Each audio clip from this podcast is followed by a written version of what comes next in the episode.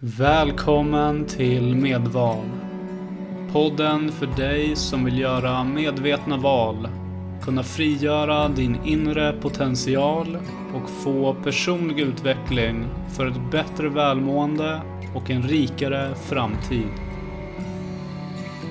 I dagens avsnitt kommer vi att se tillbaka på några höjdpunkter från de tidigare avsnitten under september där vi bland annat gick igenom förväntningar och krav utifrån andra, men också utifrån oss själva.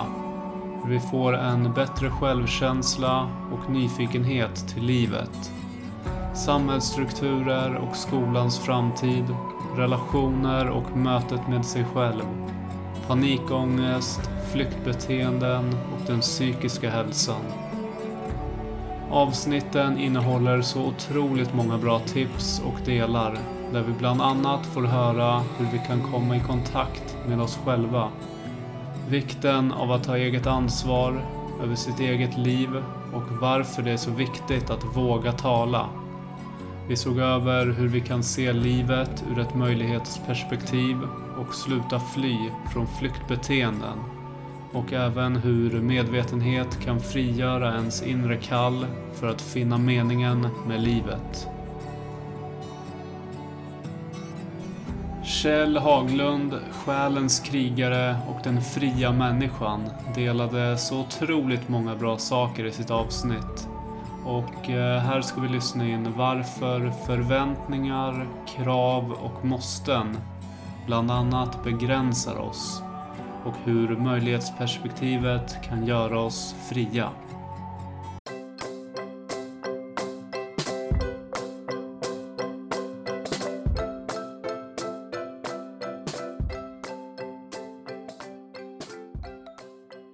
Och vi lever ju oftast utifrån de förväntningarna eh, som eh, vi tror att livet måste innehålla. Vi, förväntas av att vara och göra på ett speciellt sätt och eh, det innebär ju att vi begränsar oss själva för vi ser omöjligheter istället för möjligheter. Så jag tror ju att eh, ja, jag tror och tycker och tänker att livet är en enda stor möjlighet som vi kan egentligen göra precis vad vi vill av. Mm. Mm. Mm. För allting handlar om, som du och jag pratar allting handlar om hur jag tolkar en situation hur jag tolkar mig själv. Och eh, tolkar jag mig själv ur möjlighetsperspektiv och tolkar jag mig själv, livet ur ett möjlighetsperspektiv, då ser jag hela tiden möjligheter. Mm. Men, men tolkar jag livet ur, ur eh, eh, måsten, bör och ska, då, mm. då ser vi aldrig möjligheterna. Utan vi, vi, vi relaterar till allting som har varit istället för att uh, se nästa ögonblick som en enda möjlighet. Ja, just det. Mm. Mm.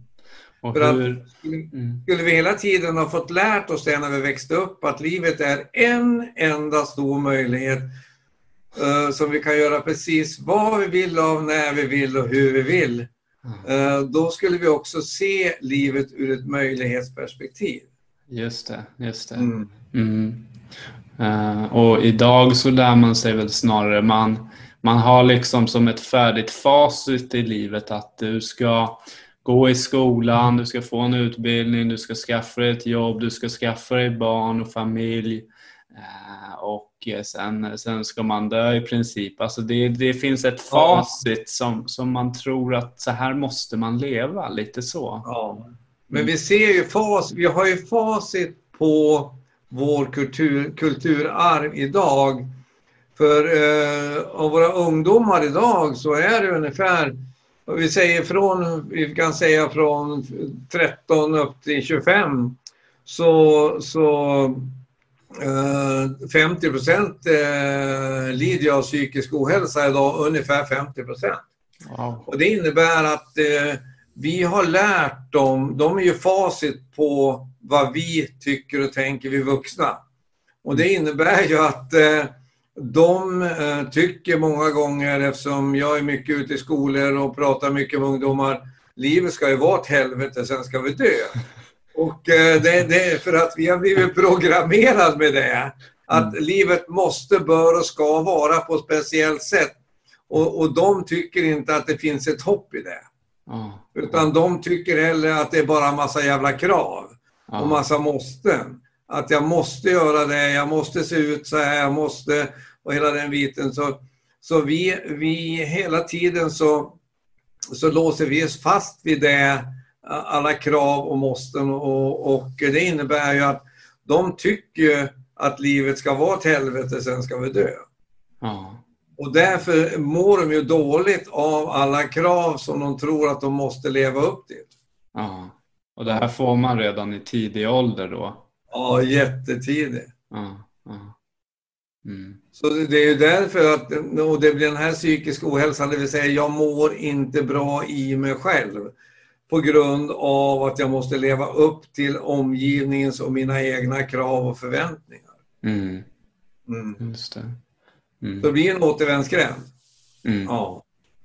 Och hur, eh, när man är i den här situationen som, eh, om vi säger att vi tar dem, den gruppen då, 13 år till 25 där.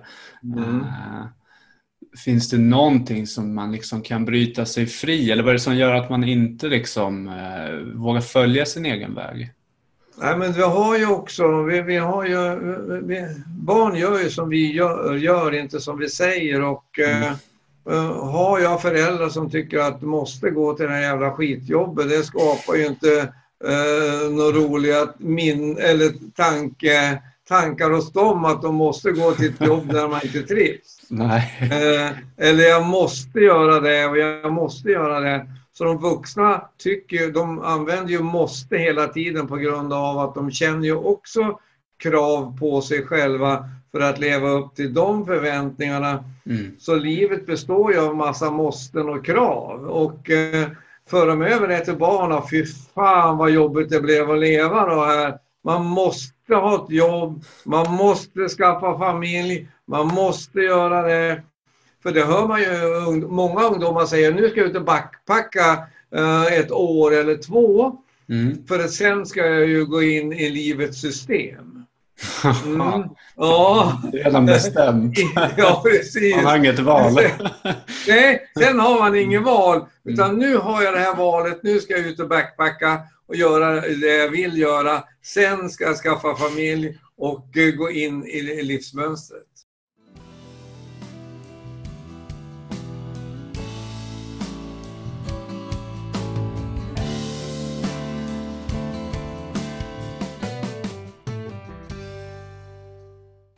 Eh, jag tycker verkligen Kjell delar så otroligt kloka och tänkvärda tankar här.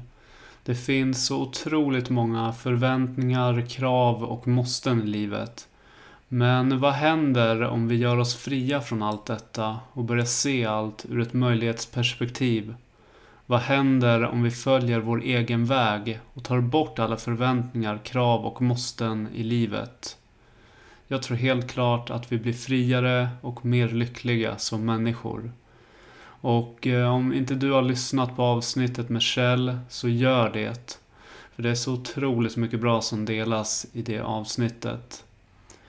Eh, vi hoppar vidare till den inspirerande, varma och ödmjuka Micke Gunnarsson.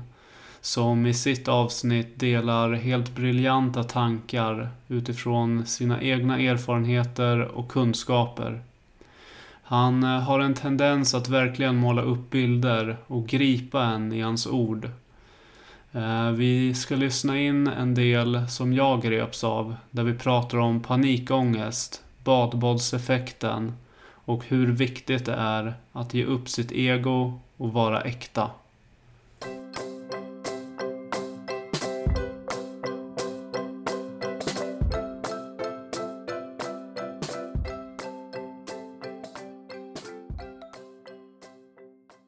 För jag har ju alltid vetat att man inte ska hålla på med sånt, men det vet Mm. vi hur det är. Fråga vem, vilken människa som helst så, så vet vi en massa saker man inte bör göra, bör säga, bör... Ja, men vi gör det ändå. Ja. Eh, och jag tror att egentligen det som, det som hände, för sen var jag på det här stället bara vara eh, fyra Mm. eller fem gånger till sen. Men det som, det som verkligen hände där, för min del, det var egentligen att jag jag gav upp, så kan man säga. Att jag kapitulerade. Jag orkade inte stå upp längre med det egot och den egna idén om mig själv och min historia och min barndom. Allt det här, jag orkade liksom inte hålla upp fasaden och försvara mig och förklara mig längre. Utan jag, på något sätt så kapitulerade jag där och, och verkligen för första gången kanske erkände till 100% och vågade visa mig sårbar, liten, arg, ledsen. Mm. Alla känslor fick komma fick plats där utan att man behövde känna sig dum i huvudet eller att det var fel på en. Mm, mm. Jag, jag hade ju fått liksom, som ung hade jag ibland, jag vet jag fick åka iväg med ambulans också i akut sådär för att jag fick liksom mer eller mindre som de kallade anfall. De visste liksom inte vad det var, man misstänkte epilepsi, man, man låste fast, liksom band fast mig i en säng för att man skulle kunna ta EKG. Massa konstiga grejer liksom med mig för att man tyckte det var... Men idag förstår jag, förstår jag att det var ju panikångestreaktioner. Mm, det var, mm men hela tiden fick jag höra att när, när sånt hände så var det fel. Liksom. Man blir rädd, de vuxna runt omkring mig blir rädda. Men jag kom till en plats där jag fick lov att få mer eller mindre sådana här utbrott i mm. vuxen tid.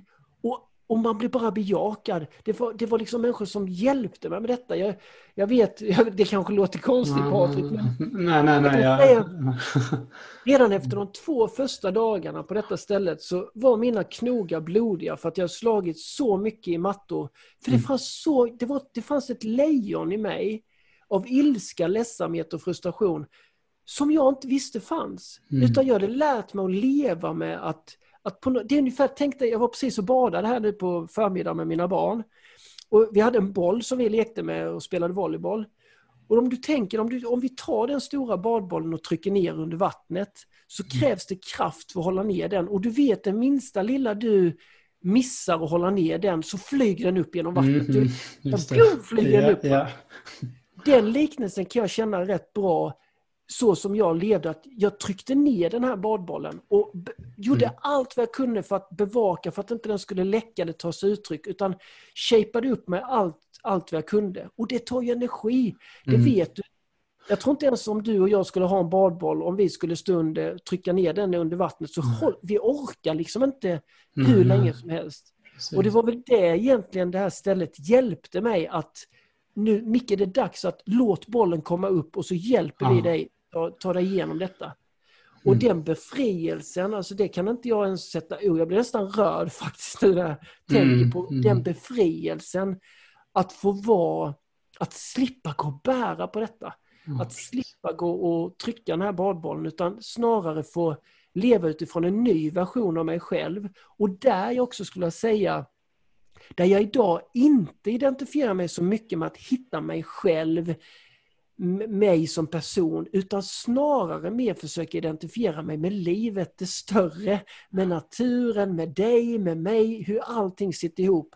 Och mer vara en del av det än att vara en del av mig själv och min lilla hjärna och mitt ego utan släppa mm. taget om det och mer eh, leva utifrån en större plan och agenda. Det, det tycker jag är så otroligt befriande och det ger mig så sjukt mycket kraft och mod också att att jag, jag är ganska hänsynslös eh, i, mitt, i mitt sätt att, att, att, vad ska jag säga, vill jag börja dansa så gör jag det. Sen spelar det ingen roll om folk säger åh vad pinsamt, det har aldrig varit några killar som dansar zumba på gymmet. Ja det skiter jag fullständigt i. För jag, jag vet att jag har bara en liten, liten stund på mig, sen är det här kalaset över. Och jag, jag har ju ett sånt ordspråk som, som jag skrev, jag dör hellre pinsam än full av längtan. Och det har blivit så sjukt viktigt för mig.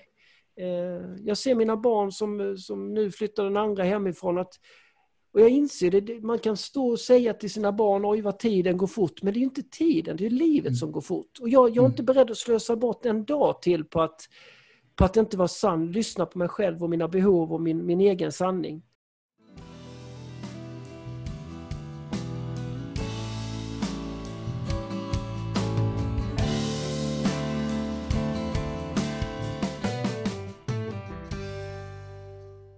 Eh, jag vet inte med dig, men jag blir verkligen rörd av detta samtal och det Micke delar.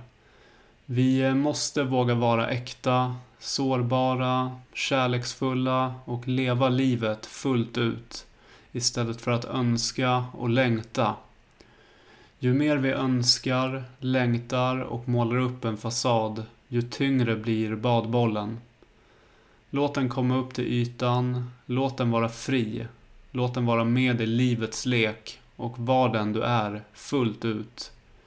I Mickes avsnitt så går vi igenom så otroligt många bra delar att det går att lyssna på avsnittet om och om igen. En annan varm person är Alexandra Rydholm, en medmänniska med en fantastisk själ. I hennes avsnitt så går vi igenom många delar kring hur vi mår, den psykiska hälsan och vad vi som medmänniska kan göra för att hjälpa varandra till ett lyckligare och mer öppet liv.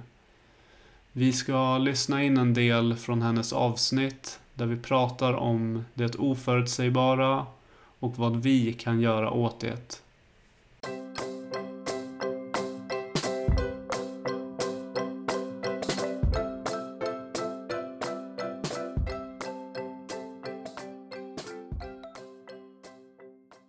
Finns ju också situationer där, eh, som du berättade, att det eh, oförutsedda kan uppstå, mm. att någon nära går bort eller no någonting mm. radikalt sker. Och mm.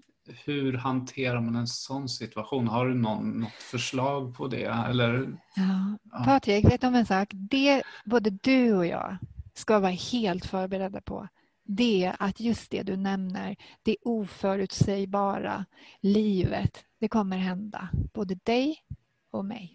Men mm. just nu när vi lever i nuet så vet vi inte vad. Så vi ska ju inte liksom gå omkring och oroas för att jag kanske vaknar imorgon och har cancer. Jag då som har gått igenom ganska mycket saker och jag, jag brukar idag när jag ger intervjuer inte vara för ingående i det privata för jag känner att jag ändå kan vara personlig. Mm. Idag lever vi i en tid när människor bara fläker ut sin olycka och det enda vi gör är att sitta och läsa om olycka mm. istället för att försöka hitta inspiration. I, vi mm. vet att den gick med, var med om en svår olycka men vad tog den vidare? Det är ah. jag intresserad av. Ah. Ah. Livet kommer hända. Vi kommer drabbas av svåra saker och vi kommer känna ett stort mänskligt lidande på mm. grund av saker som, som händer allt från att eh, ibland så är det så att människor vill eh, säga att det måste vara något stort, att det har varit en trafikolycka eller som jag då som fick en son som hade en stor hjärn, svår hjärnskada. Det är olycka. Liksom. Det är första biljetten till att hon ska vara olycklig resten av livet. Ja.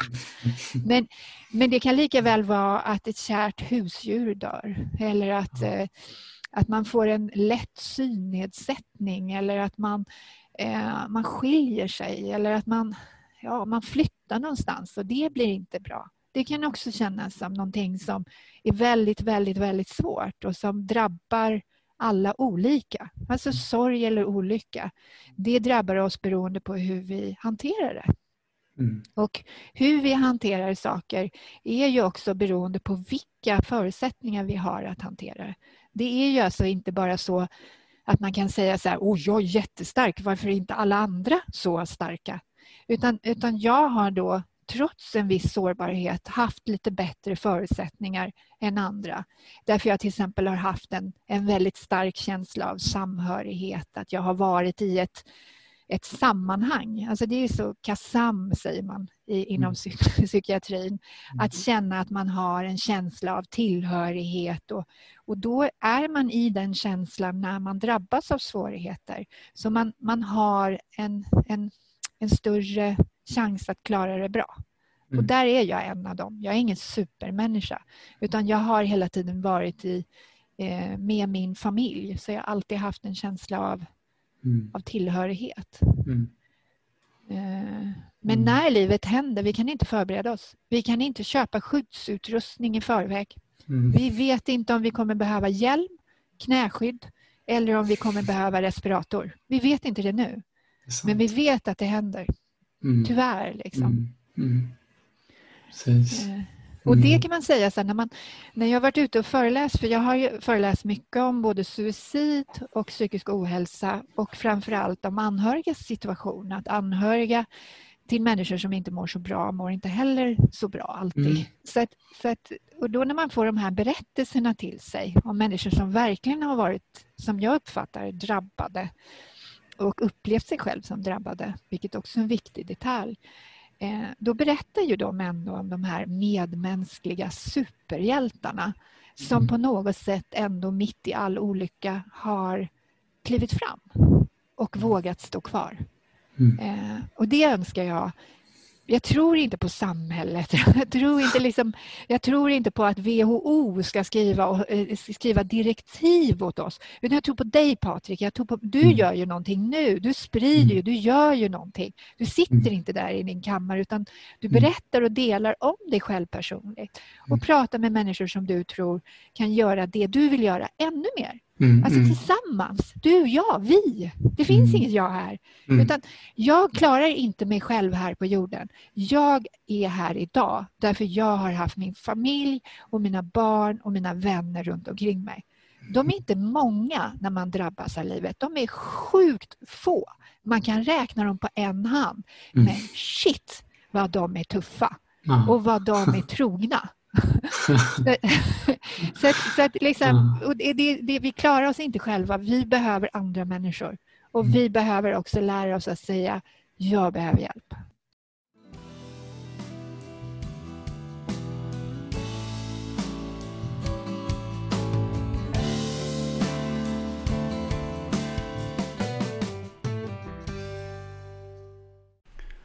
Jag säger bara wow. Vilken fantastisk människa. Hon har så rätt i att vi inte behöver oroa oss för framtiden så mycket. För vi vet inte vad som kommer ske.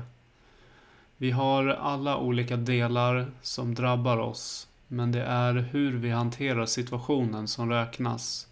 Utifrån vår utgångspunkt. Vi behöver våga ta hjälp och finnas där för varandra. Vi tillsammans kan göra världen till en lyckligare och mer öppen plats. In och lyssna på hennes helt magiska avsnitt. Jag vill tacka dig för att du har lyssnat och deltagit i detta avsnitt. Och jag hoppas att det kommer att kunna hjälpa dig att få mer självkännedom och vad du behöver göra för att nå dina önskade lägen och mål här i livet. Om du vill komma i kontakt med mig, lämna en kommentar eller berätta om du vill att jag tar upp ett speciellt ämne så kan du skriva till support coaching.one eller följa och skriva till mig på Facebook eller Instagram.